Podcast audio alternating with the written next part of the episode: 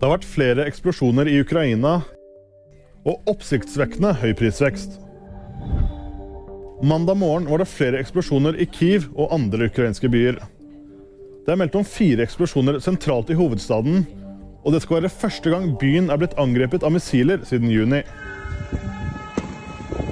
Og det er mest for å vise tror jeg, den russiske befolkninga at, uh, at Russland slår tilbake når uh, sånne ting som den eksplosjonen på brua på Krim skjedde.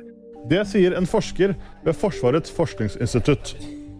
President Volodymyr Zelenskyj melder at flere skal være døde og skadde som følge av angrepet. Det skal òg ha blitt utført angrep mot minst fem andre byer i Ukraina. Så dette her, For meg så er dette her et tegn på svakhet fra russisk side. Det kun kan respondere ved hjelp av å bombe sivilmål. Det sier en oberstløytnant ved krigsskolen. Vitner forteller nyhetsbyrået Reuters at det også skal ha vært en eksplosjon i den russiske byen Belgorod, som ligger omtrent 40 km fra den ukrainske grensen. Det er en prisvekst på 6,9% i september. Det er målt mot samme tid i fjor, viser ferske tall fra SSB.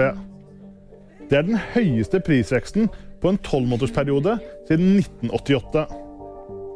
VG nyheter fikk du av meg, Thomas Bløndal.